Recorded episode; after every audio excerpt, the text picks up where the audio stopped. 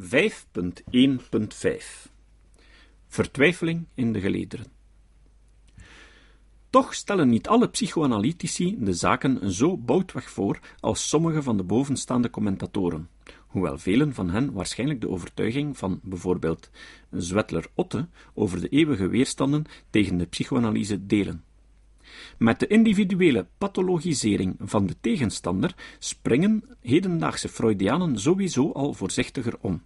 Maar ook het compromisloze gebruik van het argument van de weerstand in de zin van een theorie-interne symptoomanalyse brengt sommigen van hen in verlegenheid. Jacques Derrida schreef in 1996 over het argument van de weerstand. It is as if, having been accused of overusing it and thereby overcoming too quickly all questions or objections, which after fast analysis are regularly filled away under symptoms of resistance, they, de psychoanalytici, were submitting to or preparing for other terms for the discussion.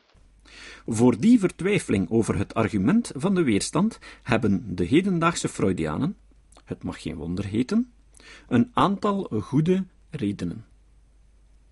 Ten eerste bezondigt elke symptoomanalyse van de tegenkritiek zich, zoals het kleinste kind inziet, aan het petitio principii. De geldigheid van de psychoanalyse is net wat ter discussie staat, dus het brengt geen zoden aan de dijk om de critici te lijf te gaan met hetgeen ze net betwisten. Het zorgt hoogstens voor een uitzichtloze intellectuele loopgravenoorlog.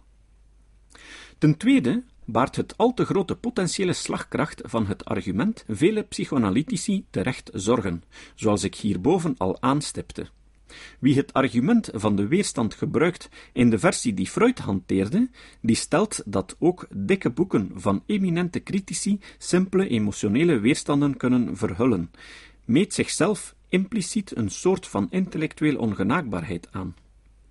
Wie garandeert immers dat er ook maar één argument is dat niet door de immunisatiestrategie van de weerstand kan worden weggewuifd? Niettemin oefent dit beruchte drogargument een onweerstaanbare aantrekkingskracht uit op psychoanalytici, en moeten velen zich dikwijls op hun tong bijten om er niet openlijk mee uit te pakken. Het gebeurt dan ook niet zelden tijdens een discussie dat een psychoanalyticus, die zich aanvankelijk sterk had gehouden, uiteindelijk in het heetst van de strijd de dooddoener van de weerstand eruit flapt.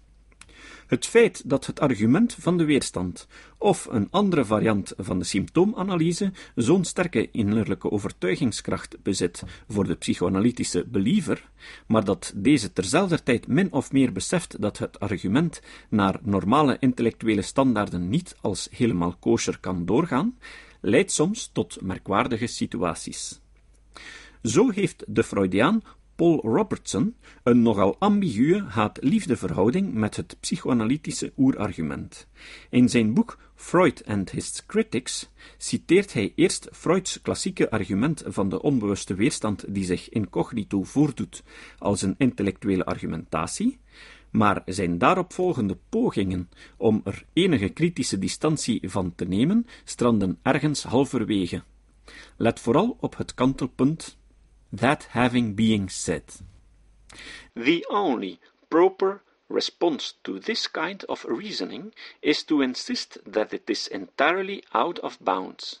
It undermines the very possibility of intellectual life and, if taken seriously, would lead to a dismissal of psychoanalytics itself as nothing more than a proposition of Freud's neuroses.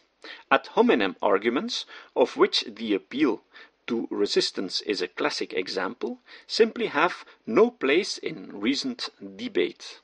That having been said, one must also concede that, empirically speaking, Freud was probably right. His ideas disturb us, as do those of no other important thinker, and many of our objections to them, whatever their intellectual validity, spring from deep emotional sources. We of the late twentieth century are perhaps less inclined to take offences than were Freud's contemporaries, but he nonetheless refuses to fade gracefully into the historical woodwork.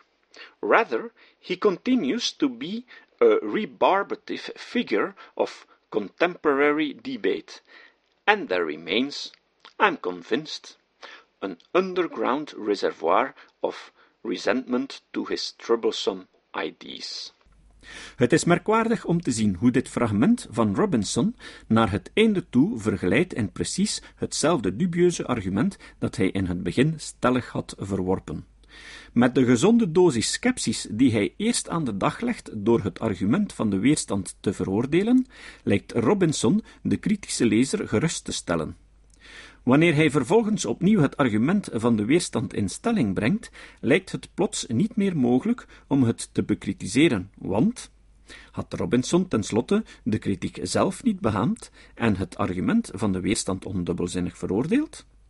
Door deze puur retorische juxtapositie wekt hij de indruk dat zijn visie van het argument niet onderhevig is aan de kritieken die erop geformuleerd zijn, en heeft hij op doeltreffende wijze die kritieken geneutraliseerd. Het is een klassieke strategie. Maak jezelf openlijk de kritiek van je tegenstanders eigen, en blijf vervolgens doodleuk je standpunt verkondigen.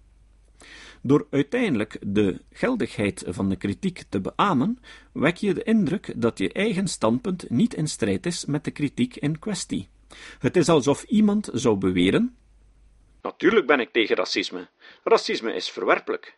Dit gezegd zijnde hebben de racisten in zekere zin een punt. Die negers nemen ons werk af, en bovendien zijn het kleine criminelen. We zouden ze beter terug naar hun eigen land sturen. Sommige verdedigers van de psychoanalyse gebruiken het argument van de weerstand, of een andere vorm van symptoomanalyse, niet recht toe recht aan, maar houden het bij een insinuatie. Robert Michels bijvoorbeeld schrijft dat Freud zelf het laatste zal lachen met het iconoclasme van zijn critici. For when our attention shifts to why we take such pleasure in these efforts, het ontmaskeren van Freud, It is to Freud's idea that we turn in our research to greater understanding. Nog zo'n iets wat schoorvoetend gebruik van het argument van de weerstand vinden we terug bij John Forrester, die in zijn boek Dispatches from the Freud Wars feintjes laat vallen.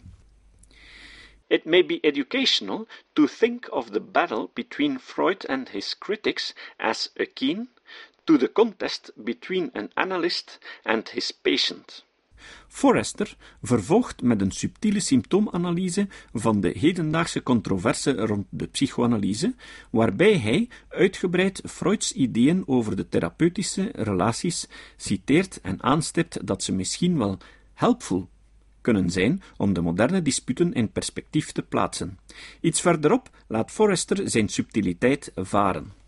Killing the messenger is one of the most hallowed of strategies for dealing with unwanted news. Freud called it disavowal, foreclosure, or repudiation. Sommige psychoanalytici willen het argument van de weerstand zelfs openlijk afzweren, maar maken het van de weersomstuit nog bonter. In een lezersbrief aan De Morgen, als reactie op een kritische column over de psychoanalyse van Geert Lernout, wil de Gentse psychoanalyticus Lieven Jonkheren de lezers geruststellen dat het argument van onbewuste weerstand niet meer in trek is bij psychoanalytici. Hebben degelijke argumenten de drogargumenten dan overbodig gemaakt? Het ligt eraan. Volgens Jonkheren getuigt de tekst van Lernout van een apotheose van agressieve domheid, een rabiaat scienteïsme en een hallucinante vorm van argeloze pretentie. Zelf blijft Jonkheren gelukkig bescheiden over zijn bedoelingen. Het is hier niet de bedoeling om te argumenteren tegen het demagogische van elk wetenschappelijk fundament gespeend karakter van de beweringen die door Geert Lernout bijeengeharkt werden in zijn artikel. Geel jongleert met één referentie. Ook ik zou met referenties kunnen jongleren. Van een geruststelling gesproken. In de citaten een Vlaamse cursivering uh, niet in citaatvorm zetten.